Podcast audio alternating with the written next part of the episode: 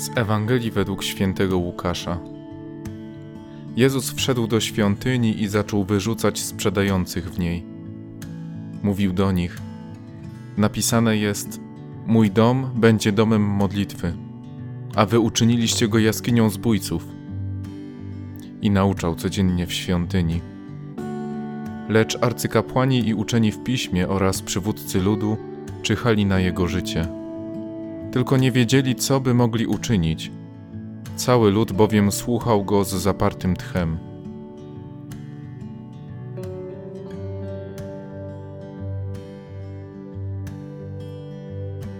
Chrystus przychodzi do świątyni i spotyka się ze sprzedającymi. Wyrzuca ich. Jedni czyhają na jego życie, a inni słuchają go z zapartym tchem. Jezus przedstawia się jako rozłoszczony, wyrzucający ludzi z domu Bożego. Bóg staje się radykalny, kiedy spotyka grzeszącego człowieka. On nie pozbywa się człowieka, ale grzesznego działania ludzi. Nie chce pozwolić, by ludzie nie szanowali najświętszego miejsca dla Żydów, gdzie mieszka Bóg. Kiedy grzech wchodzi do naszego życia i tam się zadomawia, to samo chce zrobić z nim Chrystus chce go wyrzucić. Jednak czeka na nasz akt woli, by się oddać Bogu w sakramencie pokuty. To sakrament uzdrowienia ma nam pomóc w przemianie naszego życia, by moje całe ciało stało się świątynią, która będzie miłym mieszkaniem dla Boga. Jezus wręcz walczy o świątynię. Bóg zabiega o miejsce, gdzie ma przebywać i gdzie ma spotykać się z człowiekiem.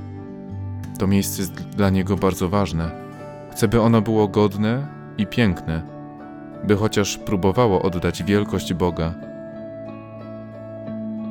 Każdy z nas ma swoją parafialną świątynię, z którą mniej lub bardziej czuje się związany. Nie możemy zaniedbywać tego domu Bożego.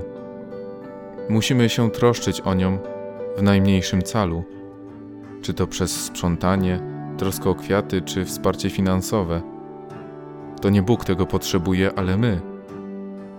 Chcemy w jakiś sposób oddać cześć Bogu. Chcemy odwdzięczyć się za Jego miłość. Jemu to nie dodaje chwały, ale przyczynia się do naszego uświęcania. Ludzie czyhają na życie Jezusa. To musiało wywołać w nim wielkie napięcie.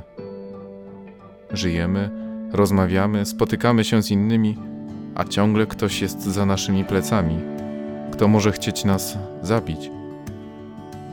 Tutaj potrzeba nieustannego chodzenia w Bożej obecności.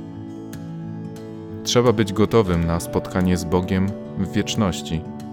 Czasami trzeba walczyć z przeciwnikiem, a innym razem poddać się, kiedy wiemy, że nie mamy szans. Mam wielką nadzieję, że Bóg jest z nami. On jest naszą siłą i ratunkiem. Pod Jego skrzydłami znajdziemy ukojenie i bezpieczeństwo w obliczu trudności. Podnieś głowę. Zbliża się Twój czas. Nie zmarnuj tych chwil, które daje Ci Pan. Buduj Jego świątynię i spotykaj się z Nim na modlitwie.